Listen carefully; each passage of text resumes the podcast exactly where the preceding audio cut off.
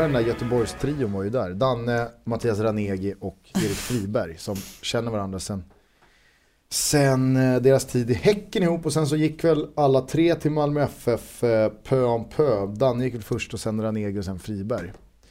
Eh, och de, de är ju svinbra polare där. Jag hängde med Danne och så hamnade vi på Swedbank. Har en jätterolig match att kolla på. Kanontillställning. Men sen så hade vi liksom, vi hade varit uppe länge hela dagen, vi hade flugit, vårt plan var sent från Bromma så vi fick åka direkt till Swedbank från, från Sturup. Och det var, solen låg på ganska ordentligt så att vi var ganska, vi var ganska i stort behov av en dusch. Kände vi efter matchen. För att vi skulle ut och käka direkt. Eh, allihopa.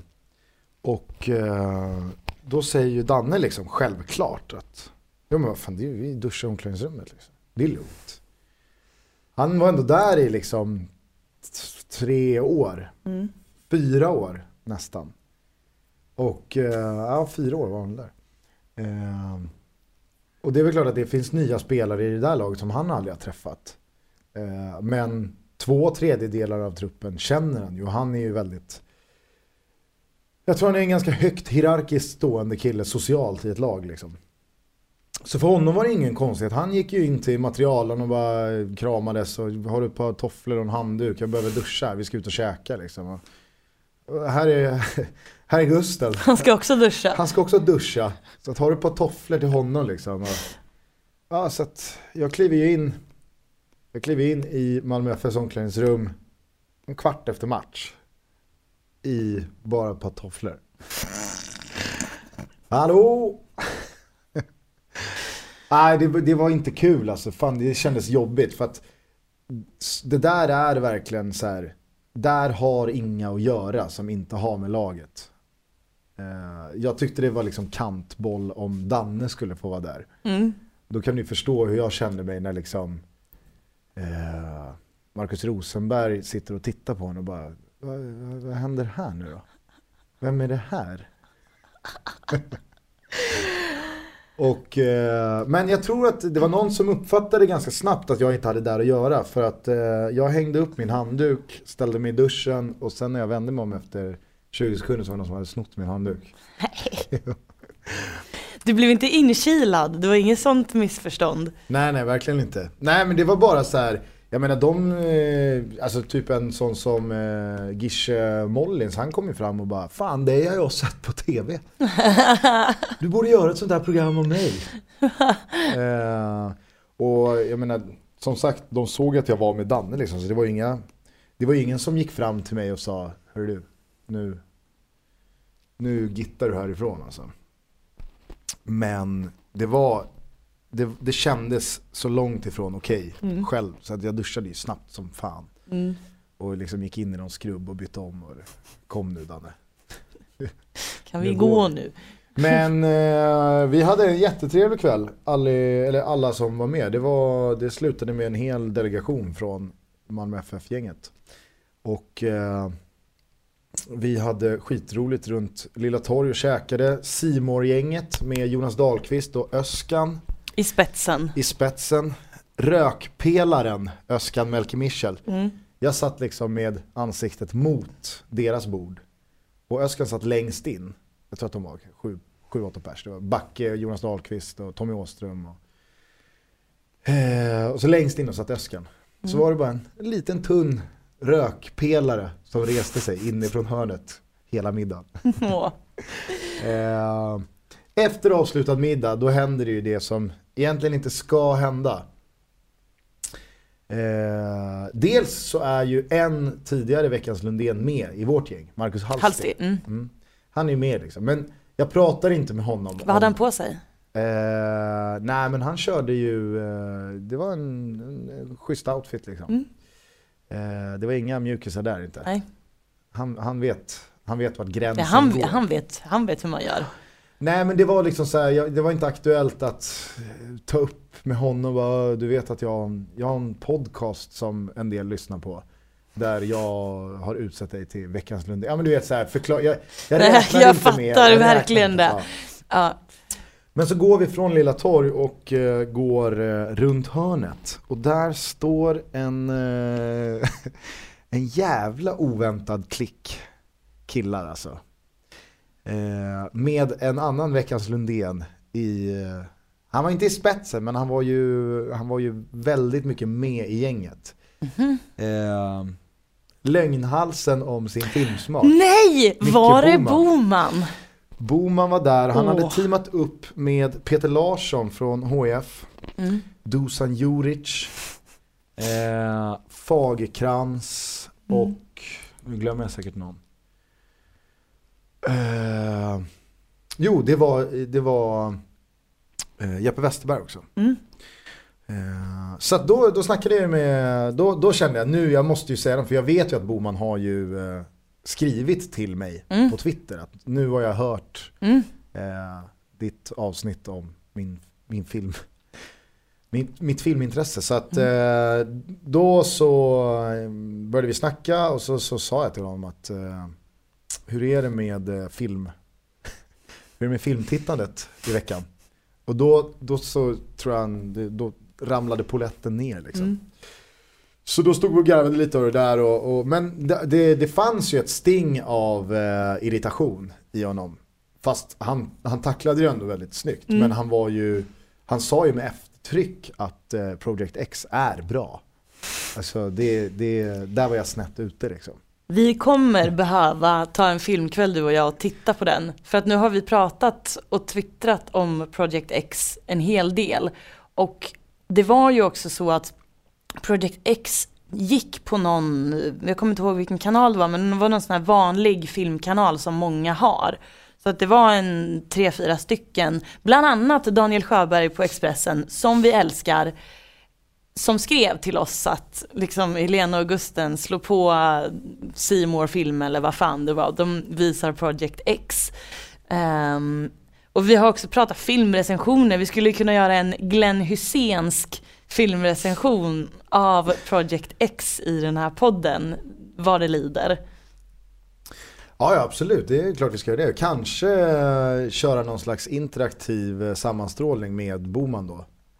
Varför inte? Alltså att han får vara med och live-kommentera våra live-kommentarer mm. om filmen. Jag vet inte, men nej, det, var en, det var en väldigt händelserik, väldigt stökig och väldigt rolig kväll i Malmö. Ehm, fått så här, sån jävla ny, uh, nytändning om jag någon gång har varit tänd på Malmö FF, jag vet inte.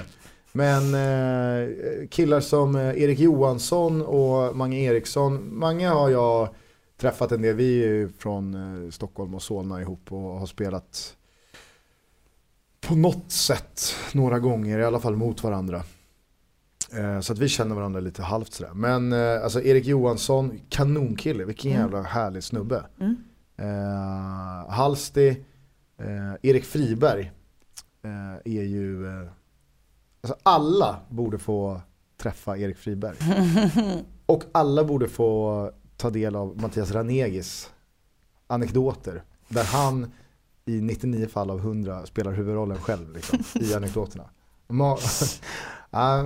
det var en jättehärlig kväll men det var en ganska tung morgon. Mm, eh, och efter ett eh, elitlopp på Solvalla i söndags som också tog på krafterna så är jag en slagen hjälte som efter att vi har spelat in detta avsnitt 41 av Från bruket till bögringen bara ska hem och gosa ner mig i sängen mm. och bara ta det lugnt. Får jag fråga vem du var på Elitloppet med? Eh, vem jag var på Elitloppet med? Mm. Vem var du på Elitloppet med? Jag var på Elitloppet med min brorsa. ja. Ja, jag, Förlåt! Jag, jag tänkte Förlåt! Här, vet, jag, jag, jag, jag har sån jävla ångest nu för tiden. Jag tänkte vad har jag gjort nu?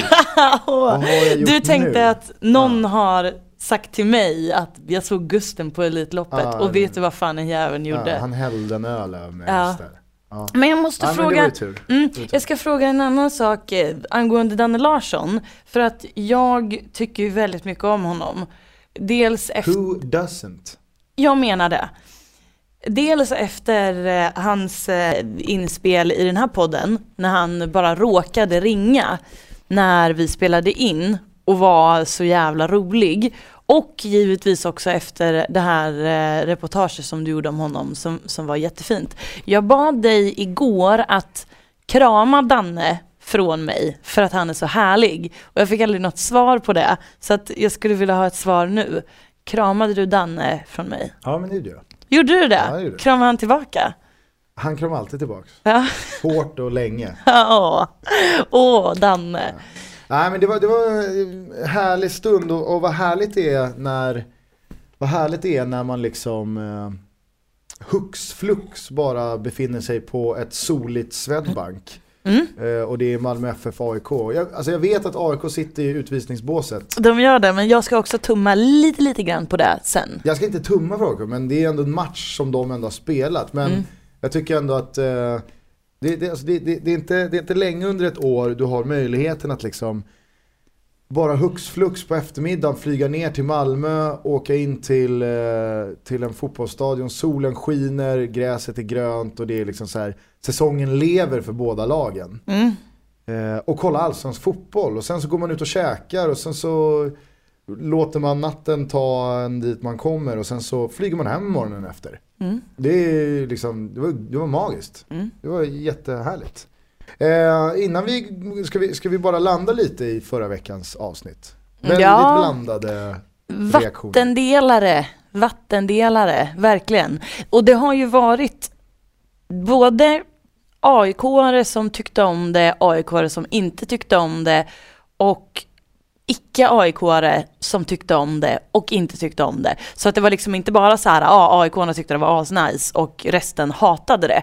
Vilket man kanske skulle förvänta sig på förhand. Men Jerry till exempel, han är ju, jag ber om ursäkt om jag inte får säga det här, men han är ett stort fan av eh, både Björn och eh, Martin eh, som var med förra veckan. Och eh, han tyckte att det var svinbra. Sen, då- och det, och det kan i och för sig, det, det kanske är läge här nu att eh, börja ifrågasätta Jerrys eh, okritiska hyllande av den här podden. Det kanske bara är så att det, det säger ingenting om oss för att vad vi än gör så kommer man tycka att det är skitroligt. Nej, men alltså, som vi släpper ett avsnitt som är 14 sekunder där jag fiser. Det, det, det blir det fem plus i Jerrys bok. Det känns som det. Ja, ja förmodligen. Nej men det, var väl det, vi ville ju inte säga för mycket inför förra veckan och det ville väl inte Radio Råsunda heller och det är väldigt naturligt. Men vad som är också väldigt naturligt är ju att vi har ju en lyssnarskara som, alltså den, den lyssnarskaran som lyssnar på oss kontinuerligt förutsätter jag tycker att vi gör det ganska bra. Alltså de tycker att podden i sig är bra, Mm. formatet är bra. När man då förändrar det så pass mycket som vi gjorde förra veckan. Det enda man vet då är ju att det kommer vara olika reaktioner. För att förändring, det är ju liksom, det är ju vad det är. Mm. Vissa kommer gilla det, andra kommer inte gilla det. Det var vi ju mycket väl medvetna om. Mm. Men vi, vi hade ju väldigt roligt och vi tycker ju om dem väldigt mycket. Vi tycker om den podden. Mm. Och det kändes bara som ett, ja, en, en kul grej att göra. Mm. Vi kommer ju inte fira avsnitt 42 ihop liksom. Nej. Utan det var ju så här, ja, vi, vi lär trumma på en gång i veckan men Radio Råsunda har ju en historia av att ibland så kan det dyka upp ett uppehåll på tre veckor. Mm. Och då är ju vi förbi. Mm. Eh, så att det här var ju den jämna siffran som, Som vi, visste någonsin... att vi skulle liksom ja, fira ihop. precis. Eh, så att vi hade kul eh, och det var kul att eh, några i alla fall tyckte det var bra. Ja. Men vi, vi, har, vi har, det har ju hört av sig liksom djurgårdare som till och med sa att jag tyckte det var bra. Mm. Vissa har ju liksom bara, jag vet att någon aik skrev till mig att jag, tro, jag var helt övertygad om att du var Hammarbyare. Mm. Och så hör man det där och ser på fan. Han, han hade ju eh, till och med bojkottat våran Ah. podd för att du är bajare. Men det är jag inte, Nej. tydligen. Så det är, bara, det är bara att börja gräva i arkivet och, och sträcklyssna. Ja, men det blev en lång eh, inledning men vi, vi säger väl eh, välkomna till avsnitt eh, 41 Mm. av eh, FBTB. Bara FBTV den här gången. Ja, men vi... Inte så bara, men, Nej, men bara. men eh, jag menar FBTB har ju eh, jackat upp sig eh, kändismässigt. Ja, va, Vi va. har ju numera en SVT-anställd ibland oss. Vi har en, en Vad stream... fan händer? En, Vad fan hands? fan händs? Vi har en, en strimma public service i oss nu. Eh, Ja, nej, vad, vad händs? Jag har börjat jobba på SVT. Det är vad som händs. Hur mycket ger du eh, FBTB liksom cred för att det blev så? Vi vet ju, eh, du och jag i alla fall, Mm. men sportchefen på, någon slags sportchef, Max Bursell, Mm. sportchefen är väl Per Yng tror jag. Mm. Eh, men Max Bursell har ju väldigt många fingrar i SVT-grytan. Mm. Och han är ju en FBTB-lyssnare. Det är han. Det var också Max Bursell som eh, jagade rätt på mig och bad att jag skulle komma in och prata med dem från första början. Och bland det första han sa var ju att han tycker väldigt mycket om våran podd. Han eh, älskade att, jag vet inte om han hade lyssnat på det ens, men han älskade att ett avsnitt hette just Mikael Boman ljuger. För att han, han gillar han gillar saker som, som, som är oväntade, som inte är liksom bara det rent eh, sportsliga eller bara liksom, ja, storlagen. Så. Eh, vilket gör att det här är förmodligen en ganska bra podcast för honom att, att lyssna på. Han tycker om den. Så att eh, ja visst, det är klart att jag, eh, vad, vad gav vi, vad gav vi eh, i procent till oss själva credmässigt när det gällde, när det gällde Andres eh, allsvenska kontrakt, Andres Thorleifsson? Fem. Ja, var det verkligen? Jag, jag jag, sa- har för mig att jag, jag- sa jag har- 15. Exakt. Ja, jag skulle kanske säga, Jag, sa, jag tror jag till och med sa 1% och du sa 15. Men det är härligt. ja, Ja, okej. jag kanske ger FBTB 30. Det är ändå bra. Det är bra. Då det, ger jag mig själv 15%. ja, Det får jag ju lov att göra. ja, det får du lov att göra. Ja. Ja, ja, vad säger man då? då? varsågod. Eller tack. Ja, varsågod.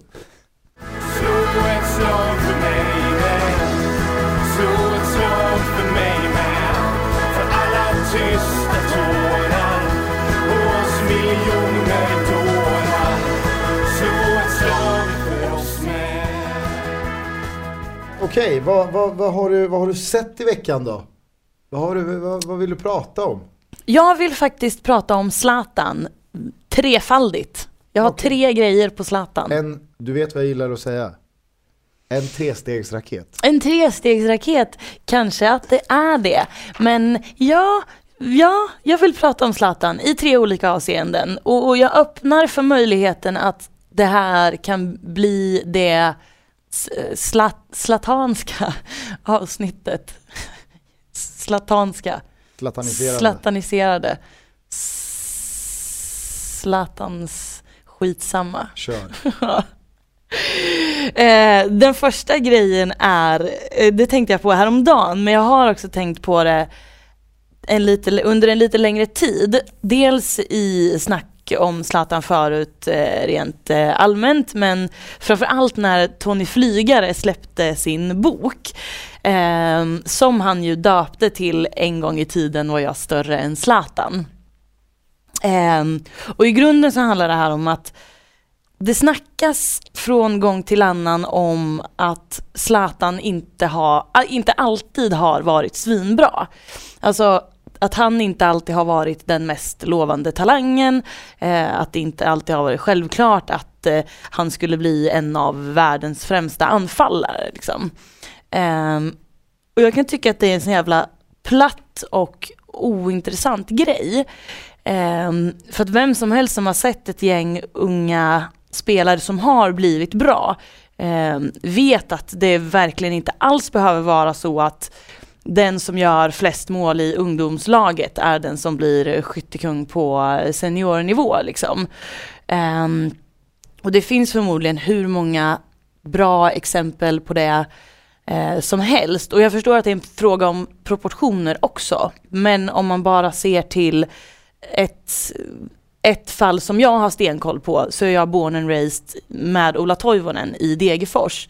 Och under, under många år, det är klart att Ola all, alltid var bra och han är den enda som spelar, ända från Degerfors som spelar i landslaget nu. Men eh, han eh, var ju under många år liksom nummer två. Det var ju en, en ehm, kille som heter Jonas Iversen som var den största talangen i, i, eh, på orten.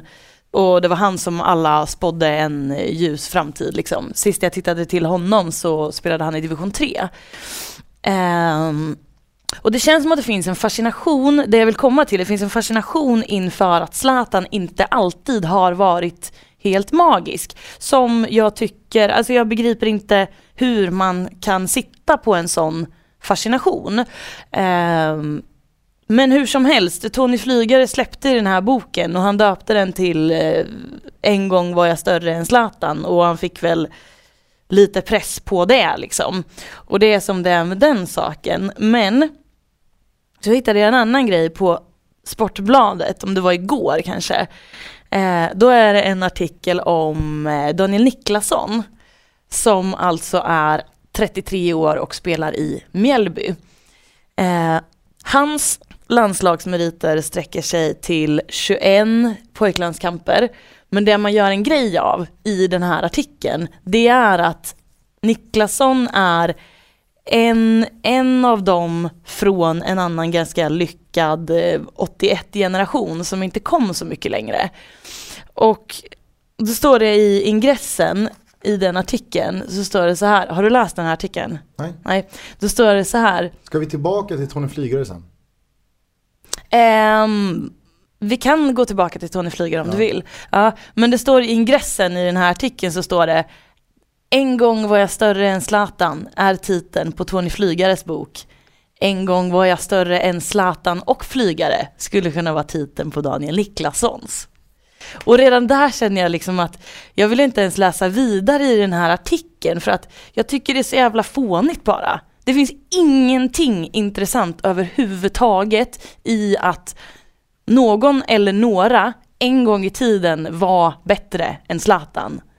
Jag, jag tycker det är så dåligt i det så här, snack bland vanligt folk och även i media så görs det en grej av det. Och det, det är så jävla tomt och tråkigt och liksom ingenting. Ja, framförallt för att där och då så hade ju ingen av dem upprättat eller uppnått någonting. Alltså det, Zlatan Ja. hade inte gjort någonting men det hade Nej. inte Flygare eller Niklasson heller. Det är ju bara tre snubbar som inte är de är någonting. bara 17 bast Ja. Mm. och de är väl okej men ja, hade de lagt ner där och då så hade ju inte liksom de hade inte haft en plats i, i nästa generations historieböcker som några, några, några stora spelare. Men jag har faktiskt tänkt ganska mycket på det där och flera gånger eh, tänkt att ta upp det i podden men jag har glömt det varenda gång. När det nu under vintern och våren har pytsats ut så små kapitel från Tony Flygares bok. Mm. Och att han har försökt, ja, men som du säger, rida på den här vågen att han nu 15 år senare försöker claima sig själv som att ja, en gång var jag bättre än Zlatan men då var Zlatan ganska kass. Så att jag var egentligen också kass. Jag var bara lite bättre. Jag var lite mindre dålig. Lite mindre dålig, exakt. Var. Ja. Jag tycker, alltså, jag tycker det är sorgligt. Sen, så, sen så har jag all respekt och all förståelse för att en snubbe som det har gått tufft, tufft för, alltså det har gått ut för. Tony Flygare är ganska öppen med, alltså för, ni, för er som inte har koll så Tony Flygare och Zlatan var jämnåriga. De var uppe i Malmö FFs A-lag ganska samtidigt. Men Tony Flygare var väl den som hade ja, aningen mer medvind i liksom vad, vad folk tyckte och hur mycket folk snackade om honom och sådär. Ehm, det blev ingenting av honom, precis som det inte blir av väldigt, väldigt många lovande 18, 19, alltså 17 år, 17, 18, 19-åringar. Att ja, det kan se bra ut i en säsong, men sen så händer ingenting. Och det är inte mer med det, alltså det är inte, det är inte så konstigt att det blir så. Eh, men han har ju varit väldigt öppen med att det har gått ganska tufft för honom efter det. Han, det har varit spelberoende och jag tror att han har varit på flaskan ganska friskt. Och Struligt och, och om man fan var he- hemlös ett tag där eller något sånt där. Så att jag, jag har ju verkligen förståelse för att en sån kille eh, griper ett halmstrå att tjäna lite deg på att göra sig ett namn som, alltså så här, claima sig i det här och du, du jag tycker du sätter jättebra ord på det, att det här är ju ingenting. Nej. Alltså det här är ju ingenting. Nej. Men jag tror att Tony Flygare skiter i det. Han är nog Mm. mycket väl medveten också om att det här är ingenting. Men så länge det trillar in lite kronor på hans royaltykonto så skiter ju han i att han är snett på det. Och jag tror att Tony Flygare tycker att det inte ska bli speciellt kul att titta Zlatan i ögonen och någonstans känna den här liksom Ja men verkligen, nu har jag ingen stolthet kvar i mig alls. För att Nej. jag försöker fortfarande tjäna pengar på att jag för 15 år sedan enligt någon på Sydsvenskan var mer lovande än vad du var. Så det, det, det kan jag någonstans ömma lite för flygare sådär. Men det jag stör mig på i den här storyn, det är ju den här jävla straffen han missar mot Halmstad BK. Och det var det jag tyckte var så skönt sagt av Zlatan. Nu när han fick frågan om det på presskonferensen. Det var väl första gången han kommenterade den här boken. Och då ska vi köra en snabb recap igen. Det är alltså år 99. Malmö FF är på väg ur allsvenskan och möter Halmstad borta i näst sista matchen. Och får en straff i 90 minuten. Som en 18-årig Tony Flygare går fram och bränner. Och poängförlusten innebar en omgång senare borta mot AIK. Om jag inte är snett ute. Så att eh, Malmö åker ur. Och Zlatan hade väl, eh, jag tror han hade fått hoppa in några gånger under hösten där i Allsvenskan. Men att det blev superettan för Malmö 2000 blev ju lite så här, det blev ju perfekt för Zlatan. Att, ja, nu kan vi börja starta med den här killen för det är ett jävla råmaterial här. Men Tony Flygare då eh, försvann lite från laget, han fick inte samma chanser och sådär. Och han, han har ju ända sedan dess menat på att det är den här straffsparksmissen som, ja men det var den som gjorde, alltså hade jag bara satt den så hade jag också lyft 150 mil om året i PSG idag och vunnit nio ligatitlar ute i Europa. Och det är bara så, det i sig är sjukt, men att det har någonstans blivit en allmän sanning. Tony Flygare, straffen. Ja. Straffmissen mot Halmstad. Om han bara hade satt den. Oj, oj. Nej, Nej. så är det inte. Det är exakt så som Zlatan sa på presskonferensen. Jag har också missat straffar. Jag har också missat viktiga jävla straffar. Han drog den över mot Holland i EM 2004. När han spelade i Holland. Alltså det var så här, ja. Det hade ju varit väldigt lätt att den skulle ha knäckt honom. Men, men som han sa, liksom, är du tillräckligt bra så spelar inte en straffmiss någon som helst roll. Nej. Det är väl klart att du kan missa en titel på det. Du kan missa kanske ett eh, fett kontrakt eller en legendstatus i en klubb. Absolut. Men när du är tillräckligt bra så spelar det ingen roll om du missar en straff. Och han, får- han får ju också låta som att det var den där straffmissen som, som spelade ner Malmö FF i Superettan. Åker man ur och heter Malmö FF för Allsvenskan, det är inte en straffmiss som har varit felet då. Då har man gjort en ganska kall säsong. Och då är det inte en 18-årig anfallares fel.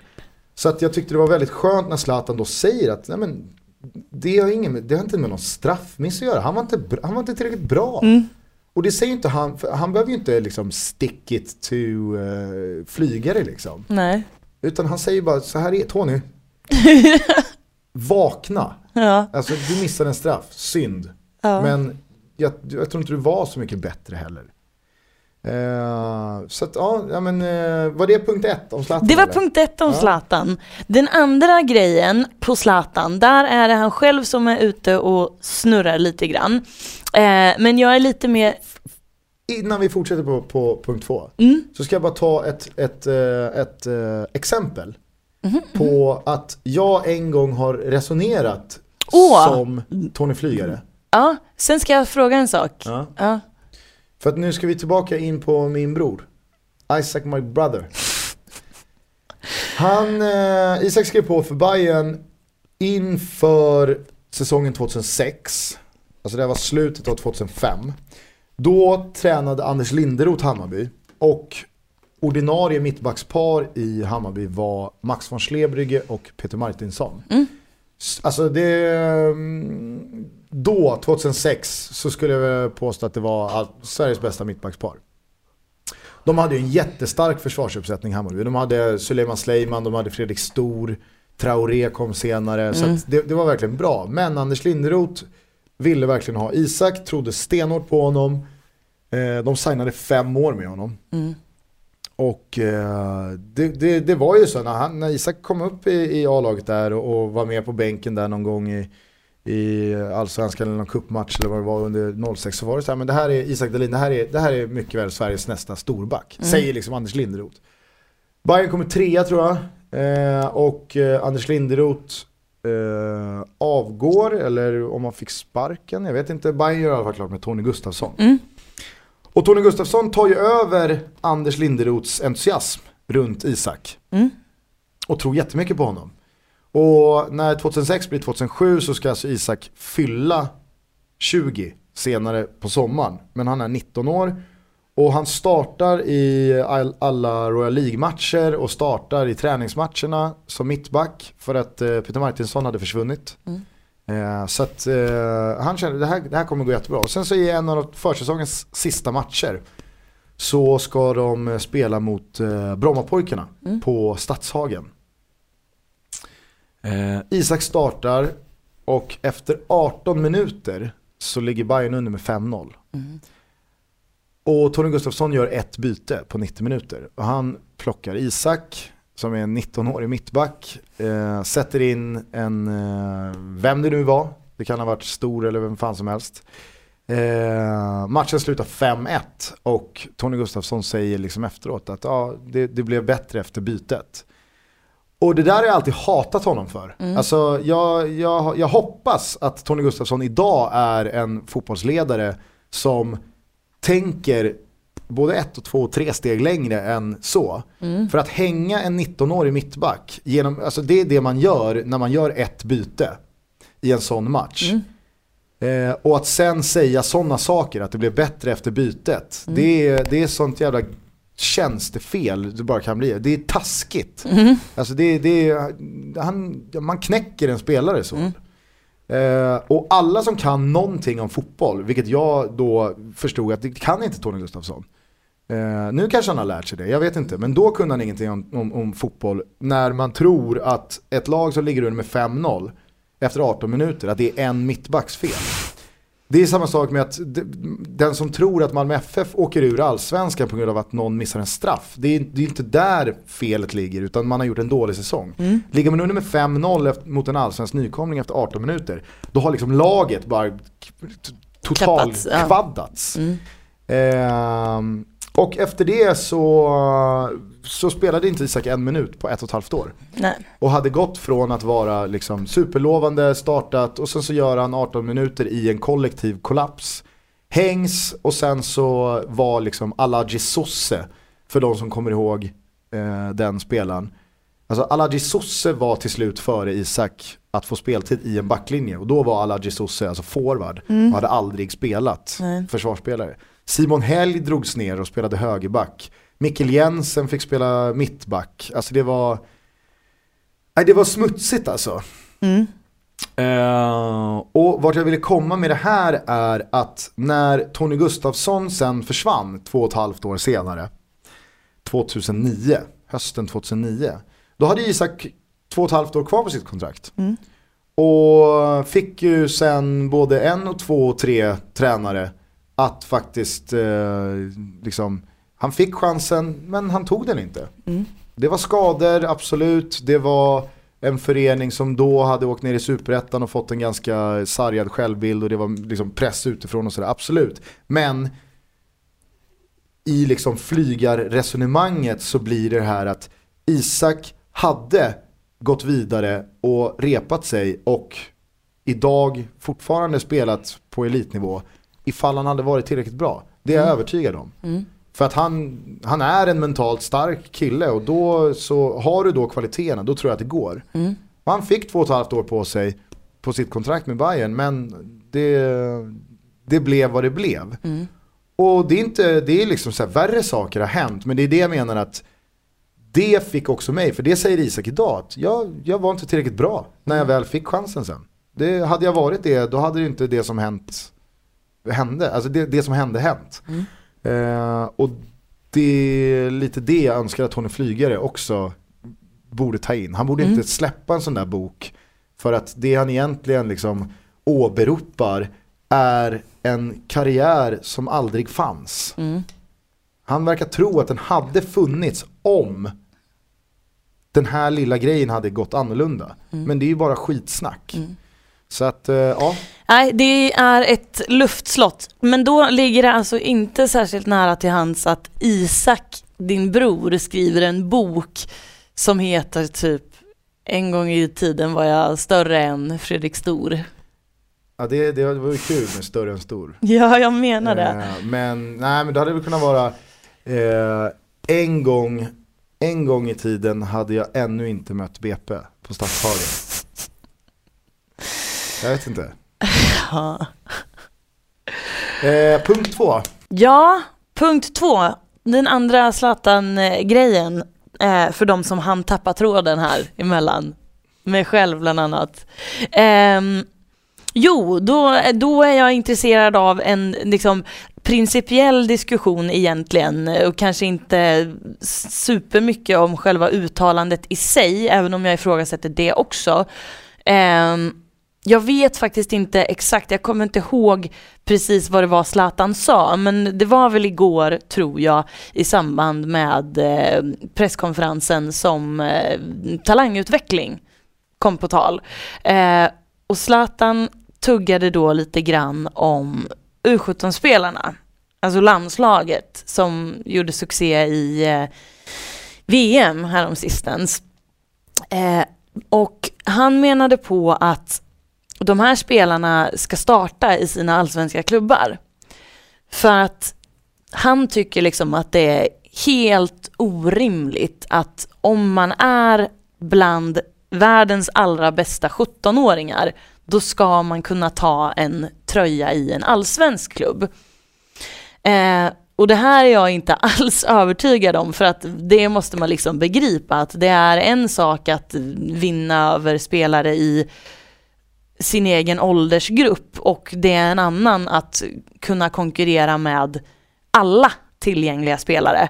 Sen kan man tycka vad man vill om att svenska lag ska satsa bättre på ungdomsutveckling rent allmänt men att helt svepande bara mena att de här 17-åringarna de ska vara givna startspelare i sina allsvenska klubbar.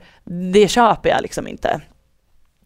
Men det här tangerar en grej som jag också har gått och funderat lite grann på och som jag tycker mig ana är ett problem. Vi kan återkomma till själva den grejen om du vill. Det såg ut som det. Jo, eh, ja absolut. Nej men jag, jag skulle bara säga det att så här, eh, jag, jag ska inte säga att jag hoppas men så här, jag, jag tar Zlatans presskonferenser när han är hemma i Sverige och får frågor om svensk fotboll. Mm. Jag, jag, jag, alltså, det blir sån, det blir sån icke-info för mig. För att han, han har ju inte koll. Det är Och jag precis det jag ska inte- komma Jag till. begär Ja. inte att han ska ha det. Nej, Men det är ju också väldigt givet att han ska sättas på podiet för att han är Zlatan. mm. Självklart så vill alla ha honom på, på, uppe på podiet på en presskonferens. Och självklart så får han frågor om det aktuella. Mm. Men han kan ju heller inte säga, inga kommentarer. nej. Alltså det är ändå så här, men, men han är ju i en position där han kan säga vad han vill. Men Mm. jag, jag hoppas att alla förstår att han, han har ingen aning. Men det är precis det jag ska komma till. Jag har inte sett en allsvensk gått- match på tio år eller? Alltså, Precis. Men jag, jag har tänkt på just sådana här saker som ett problem när vi diskuterar saker överlag i fotbollsvärlden och det är att rätt personer pratar inte alltid om rätt saker. I det här fallet så är liksom, det är Zlatan, han är spelare och han sitter och pratar om talangutveckling. Och det är väl en total no-brainer att Zlatan har en och annan erfarenhet som gör att det är bra om han uttalar sig i sådana frågor. Men samtidigt så är ju inte Zlatan expert på talangutveckling. Och som du säger, inte heller på svensk fotboll nu för tiden. Och samma grej tycker jag liksom går igen eh, i många andra exempel. Alltså spelare pratar om hur man borde värva, sportchefer pratar om eh, läktarincidenter, sponsorer pratar om hur fotboll ska spelas och det där tar liksom aldrig slut. Och jag kan tänka mig att vi får problem, eh, alltså, jag vet inte. Vi, Eh. Om, om rätt personer inte pratar om rätt saker, för det finns säkert många där ute som, som tar Zlatans ord om talangutveckling som, ja men precis, men jag kan tänka mig att eh, många tar allt han säger som objektiva sanningar eh, för att han är Zlatan. På samma sätt som en guys supporter kanske tar eh, Lundens ord om ordningsstörningar på läktaren som en objektiv sanning för att man ser upp till honom. Och eh, självklart så är det så att om man vistas i fotbollsvärlden så, så har man någonstans förmodligen sett saker som gör att man, man kan ha vettiga synpunkter på annat än just det man är expert på. Men det kan göra mig irriterad när till exempel fotbollsspelare får frågor om så här, ska vi legalisera pyro? Liksom. Det frågar man fotbollsspelare och det blir inte bra. Och jag tycker att jag ser sådana exempel hela tiden där jag bara känner att vad, vad ska vi få för diskussion av det här? Och, och sen fattar jag liksom att okej, just exemplet Zlatan, du får 30 rubriker om du sätter Zlatan på ett podium i en timme, men alltså Ja, och sen är det ju inte, det är inte, det är inte Zlatan som ställer frågan. nej. Det är ju journalister Ja, nej, som precis. ställer den Ja, ja, frågan gud, som ja. ska ha Gud, ja. bassningen. Ja. Inte att Zlatan säger något märkligt Nej men han svarar ju på frågan han liksom. får bara, men... ja, nej men det, det är ja. klart, så, så det, det är ju det är, det är frågorna som ställs, det är, det är de som adresserar frågorna, det är ju de som ska ha en uppsträckning, inte Zlatan. Exakt, Alltså, nej, nej, jag säger inte försvara Zlatan så per definition, jag säger bara så här om han får en fråga så kommer han svara Mm. och han är i en, liksom, han lever ju i en egen värld. Mm. Att han skiter väl i om Elena Lövholm på en SVT-blogg Mm. Skriver oj oj oj vad snett det blev här Mm. nu Zlatan. Alltså det, han kunde ju inte bry sig mindre. Nej. Det, det, Var du tvungen att ta just mig Nej, som så här, exempel? du existerar ju inte för honom Nej. att jag sitter och säger det här, det finns, det, finns inte för honom. Eh, och, och då kan jag känna så här, för det var ganska kul i och med att han, han var ju väldigt, eh, han var ju väldigt pro MFF Mm. under den här rappa presskonferensen Det gör. var han, ja. Där han då säger att eh, alla, typ, nu, nu parafraserar jag verkligen här, att alla andra svenska lag förutom Malmö FF eh, drar sig för att spela med unga spelare. Mm. Malmö FF är överlägsna där. Mm. Eh, och bara det är, så här, du vet, när jag läser det så här, ja, okej, Mm. vad, vad, vad vet han? Han har ju, alltså, kan han, kan han, ja, nej, nu ska jag inte raljera så, nej men det är så här, det rinner bara av mig direkt, för att han, Mm. han vet ju inte. Mm. Och sen så var jag på plats på Swedbank i uh, går, Mm. och absolut så har ju eh, Malmö FF har ju, det, det är en det är en ganska eh, härlig startelva åldersmässigt. Men alltså AIK är ju så många år yngre än Malmö FF igår. Mm. Alltså de har en målvakt som är 90-talist, Mm. Ofori är 90-talist, Milosevic är 90-talist. Mm. Hela fältet med Bahoy, Det var ju bara barn. eh, Bahoy, Moro, eh, Quaison Mm. och eh, till vänster gick eh, Ofori gick till vänster från början ja. Mm. Eh, ja men du ser, alltså det var ju det är liksom AIK var ju mycket yngre Mm. Än vad Malmö FF var. Och jag vet att AIK sitter i, i utvisningsbåset, men det är väl bara så här när det beviset då finns, Mm. varför kan inte alla bara liksom låta Zlatan säga det han gör? Mm. Utan att liksom dra in flera varv i diskussionen. Mm. Det är bara, ja, låt han, han fick ju frågan. Ja, men och, då, Och så och så säger- svarar han på det. han någonting ja, men det stämmer precis. ju inte. Precis. Låt det vara. Exakt. Släpp Zlatan. Alltså det, Släpp Zlatan nu för fan. ja. Låt oss gå vidare till punkt tre om Zlatan. Och det här är egentligen, det här är bara en kort reflektion eh, kring det här med att han inte röstade i valet till Europaparlamentet. Ehm, för det fick han också frågan om. Och jag kan förstå att folk, han röstade inte, det är recapen på det här typ. Och han svarade väl ganska drygt på det också, himlade lite med ögonen och sådär. Och jag kan förstå att folk blir irriterade när han svarar på ett sätt som, som får en sån fråga att låta som den dummaste i hela världen. Som liksom varför skulle jag ha röstat för? Det fattar jag. Eh, och jag är också helt med på att Zlatan är en av få kända svenskar som på riktigt har ett inflytande. Så att eh, om, om Zlatan rantade på och på inför ett val om hur mycket han hatar Sverigedemokraterna, då är jag helt säker på att några som röstade på Sverigedemokraterna skulle rösta på någonting annat. Det fattar jag. Men han fick så jävla mycket skit för det där idag. Jag tycker den mängden skit som kastades på honom för, för det här idag, det, det raderar ut lite grann allt annat som, som Zlatan har gjort för det svenska samhället utan att liksom vara helt medveten om det själv. Bara genom att vara den han är. Jag menar allt han har gjort och gör för förortskids eller ungdomar, människor i alla åldrar som behöver någon att se till för att liksom, finna något slags hopp. Eh, det han har gjort för dem bara genom att göra den resan han har gjort och, och, och genom den också omedvetet skicka ett så jävla stort långfinger till SD. Man kan liksom inte bara bortse från det och avfärda Zlatan som en oansvarig idiot för att han inte röstade. Det tycker jag inte, så att det vill jag bara känga alla lite grann som gick på så jävla hårt mot honom idag. Ja, nej, alltså absolut. Vi har ju pratat om det här förut. Mm. Om än i mindre skala, då handlade det om Andreas Haddad och regnbågsfärgade Mm. Skosnören. Men det är liksom, det, jag sa ju redan då att jag menar, fotbollsspelare kan inte avkrävas att vara någonting annat än fotbollsspelare.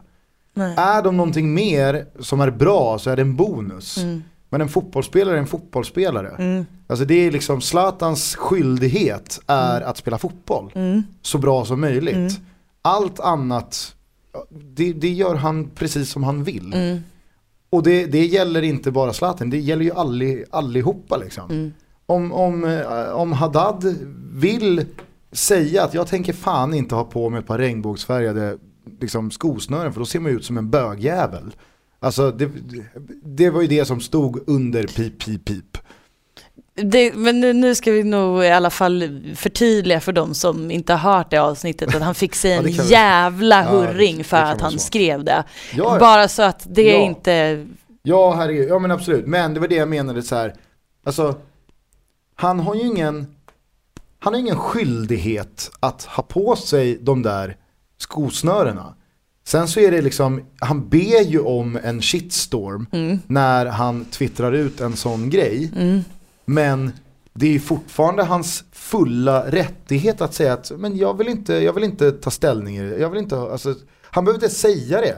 Nej men det är det som är, det var ju det som var dumt med Haddad. Han hade inte behövt säga någonting. Nej. Här var det återigen Det är en, inte frå- Zlatan en som har fråga. gått ut själv och sagt Hörni jag skiter i att rösta. Exakt, och det, Jag bryr mig inte. där har du ju skillnaden. Det här är återigen en fråga som Zlatan får som han bara tänker att vad fan jag svarar väl då. Och så var det så långt ifrån hans värld att Yet han again. skulle ha att han skulle ha röstat så att han ser ut som att vad fan säger du? Skulle jag ha gått och röstat? Då låter det jättekonstigt liksom. Zlatan Men- var alltså en av eh, alla andra 51% som inte röstade. Mm, exakt. Och det är liksom, ja. Det kanske hade funnits någon slags legitimitet i det om vi hade haft ett valdeltagande på 99,8. Och liksom Zlatan är den som inte röstar. Zlatan var den enda som inte röstade. Kul dock, det var ju ändå lite kul att det framkommer att Hamren inte heller har röstat i en artikel som alltså börjar med frågan Erik Hamren, vad tycker du om att Zlatan inte har röstat? Men det roliga, Längre ner i den texten så, så smyger det så, fram. så, så, smyger liksom Erik ut också att Ja. äh, du, jag har inte heller röstat. Men var Jag har inte inte... haft tid. Så att ja, Ja. Ja, det skiter jag fullständigt i vad fan Erik Hamrén gör alltså.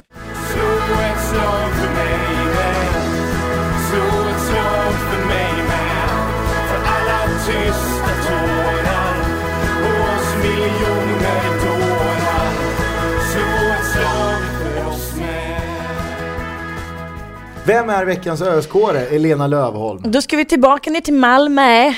Det ska vi, men det är inte en Malmöit. Jag ska inte, jag ska inte bursta din love bubble inför MFF här, utan veckans ösk är de i AIK-klacken som valde att hålla upp flaggan som det stod MF-familjen för pedofili på.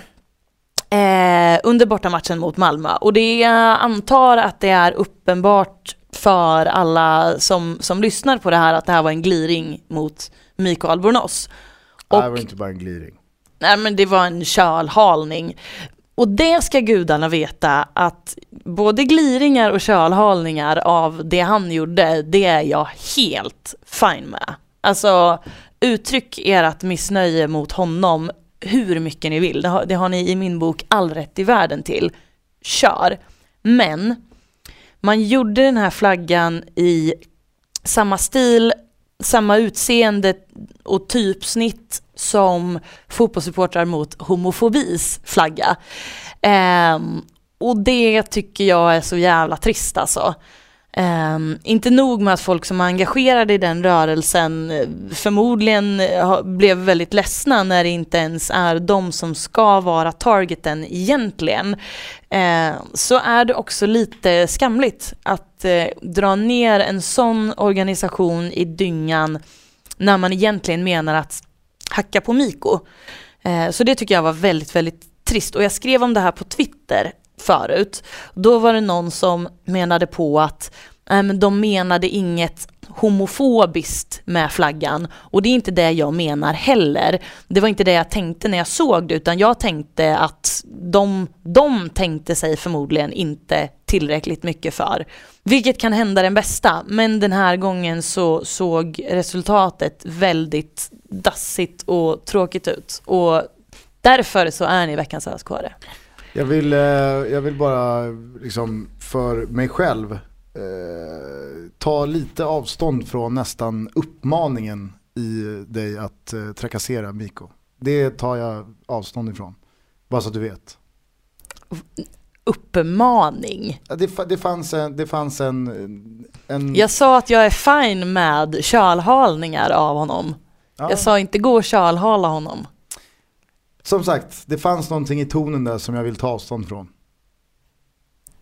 Alltså var Miko med igår eller var... Miko är med Chiles, jo, jag, Chiles landslag. Jo, jo visst, jag, jag vet egentligen. Men det känns som att det finns någonting här.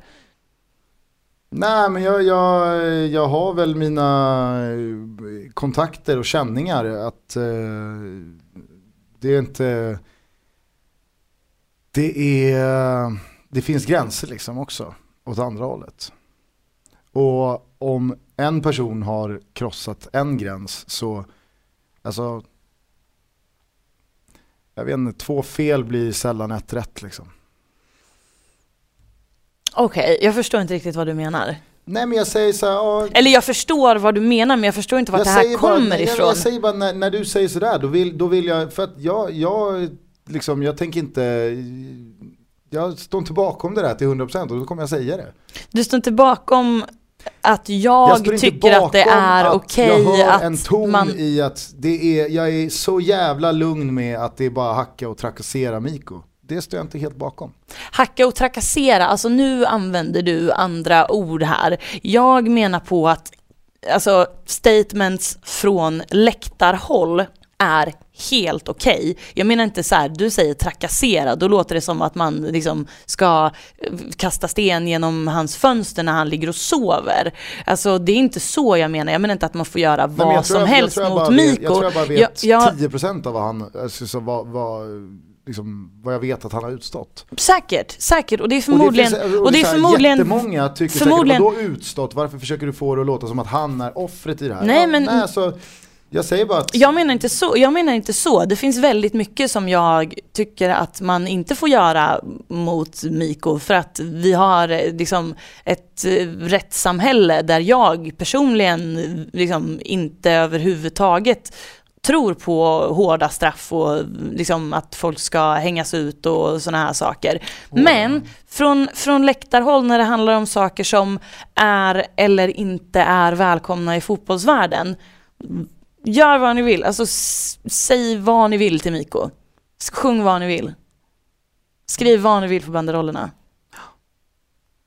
Ja, Du vill, du, jag, jag, jag provoceras lite av att d- din första instinkt är att ehm, ta avstånd från mitt okejande av smutskastning eh, mot Miko på läktarhåll. Eh, istället för att ställa dig bakom min ösk att man inte ska dra eh, fotbollssupportrar mot eh, homofobi i, i smutsen. Eh, Ja, av, det- av det bara ska farten. man absolut inte göra. Nej. Men du började i den ändan så jag, jag, jag, jag liksom låg kvar i den. Men det Ja, du, du har någonting i ögonen nu som nästan är lite, det fan, du ser jättekonstig ut. Vad är det med dig? Tack. Nej, det är Kan ingenting. du, vart, kommer det här ifrån? Nej, kan du inte bara säga det? men, Alltså, som sagt, jag fick en känsla i det du sa. Och jag känner att det där står inte jag bakom. Den, den känslan vill jag ändå eh, förmedla att jag noterar. Fan vad jag ska börja ta avstånd från allt du säger som jag inte håller med om. Ja, jag har ju fått en sju ölkåre genom, eh, genom året så att eh, det har du ju gjort ett par gånger också. Eh, men absolut, jätte, jätte, jättekast av dem som på ett mer eller mindre medvetet sätt liksom lyckas trampa på fotbollssupportrar mot homofobi. Det är idiotiskt. Mm. Fy fan alltså. Nu är du konstig.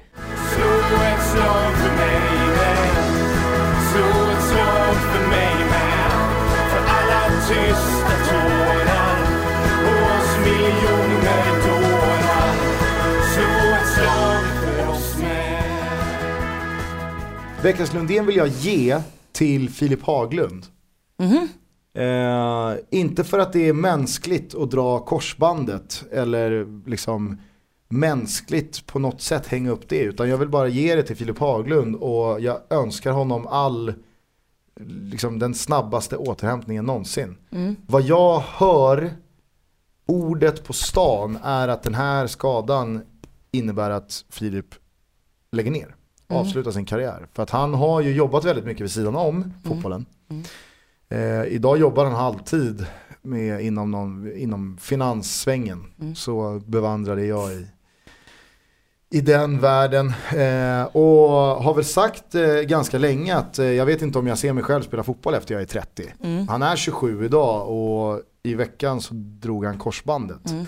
Så att eh, några har sagt att det där var nog Filips sista match liksom. För att han kommer inte orka kämpa sig tillbaka för att spela i en säsong till. Liksom. Det hade varit en sak om han hade, men jag vill spela tills jag är 36. Då Mm. finns det ju 8-9 år kvar och, och slita för. Men har man redan nu inställningen att jag kanske lägger ner när jag är 29-30 bast så, så kanske det är, är svårare att motivera sig. Så det finns inget mänskligt i veckans Lundén, utan i veckans, veckans Lundén.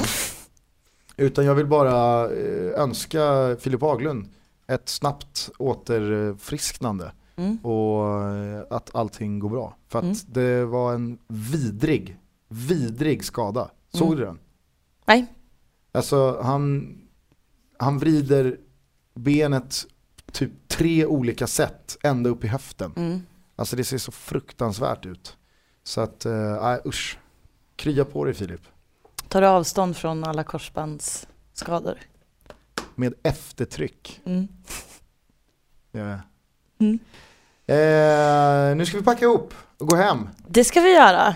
Nu får det vara nog. Ja, som skolläraren sa. Ja. Hör av er, vi finns på FBTB podd, podd med ett D, at gmail.com. Vi finns på Podcaster och i iTunes Mm. och i Podkicker. Men då under FBTB. Vet du vad jag kom på nu att jag ska säga? Och vi ska prata om t-shirtarna också. Men först så ska jag säga det att folk brukar eh, säga till oss att det är svårt att hitta våra avsnitt. Vilket jag kan förstå om man, eh, framförallt kanske om man inte har Twitter, för det är där vi slänger ut dem. Och även om man, eh, kanske om man inte har såna här prenumerationer inlagda, för det finns väl såna här hokus pokus så att det plingar till eller någonting när vi släpper ett nytt avsnitt. Älskar när du pratar teknik. Ja, Mackapärer och ja Android maskin. tjosan frossan. Och... Ja men precis. Nej men och vad heter det, och i och med det så har jag länge propsat för att vi ska ha en hemsida där vi samlar allting och det har inte du haft någonting principiellt emot. Det är bara det att varken du eller jag har tid eller know-how för att eh, göra en webbsida. Med betoning på know-how. Precis, exakt. Um, och, och då var det en, eh, någon, någon tjej för ett par veckor sedan som eh, hade något så här eh, projekt, hon pluggade eller någonting och behövde bygga en hemsida för den kursen.